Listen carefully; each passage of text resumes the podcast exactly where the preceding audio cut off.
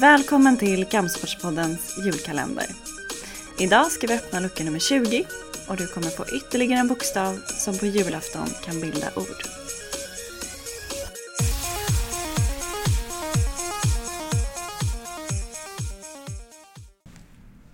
År 2000 var ett riktigt lågvattenmärke, ett slags botten i vår förbunds historia.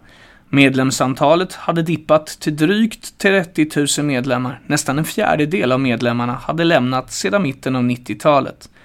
Antalet föreningar var nere under 600, en minskning med hela 140 klubbar.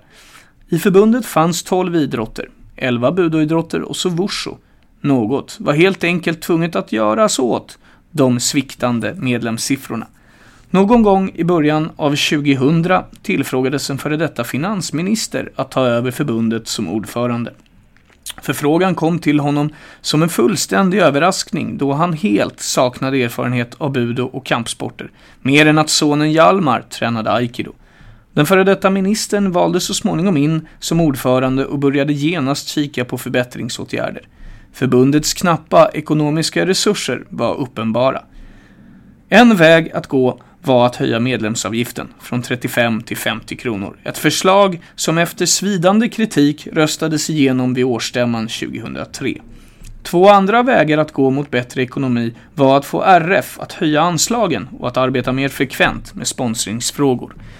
SBOK missgynnades tydligt vid den här tiden av anslagstilldelningen från RF.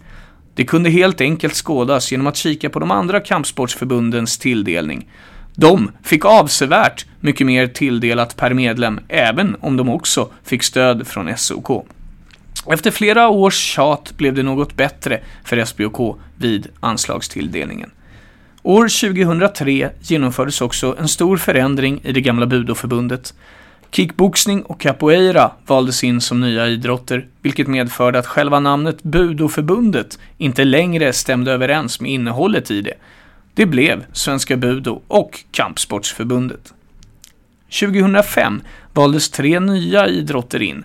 Glima, Krav Maga och Shootfighting. I boken Tävling, träning, tradition, Svenska Budo och Kampsportsförbundet 50 år skriver den förre finansministern så här om sitt bästa minne.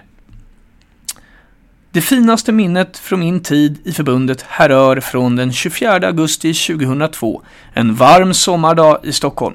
Då gifte jag mig med Ylva på Piperska muren. Vigselförrättare var Ulrika Messing. Bland de närvarande gästerna fanns styrelseledamöter och andra personer från Budoförbundet.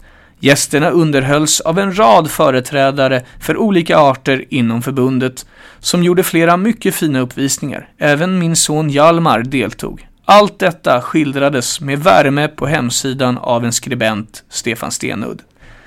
Till lucka 20 söker vi första bokstaven i förnamnet på den ordförande som med sina rikliga gärningar och sitt enträgna slit för förbundet lyckades ta SBOK ur vikande siffror och in i den framtid vi på många sätt ser som blomstrande idag.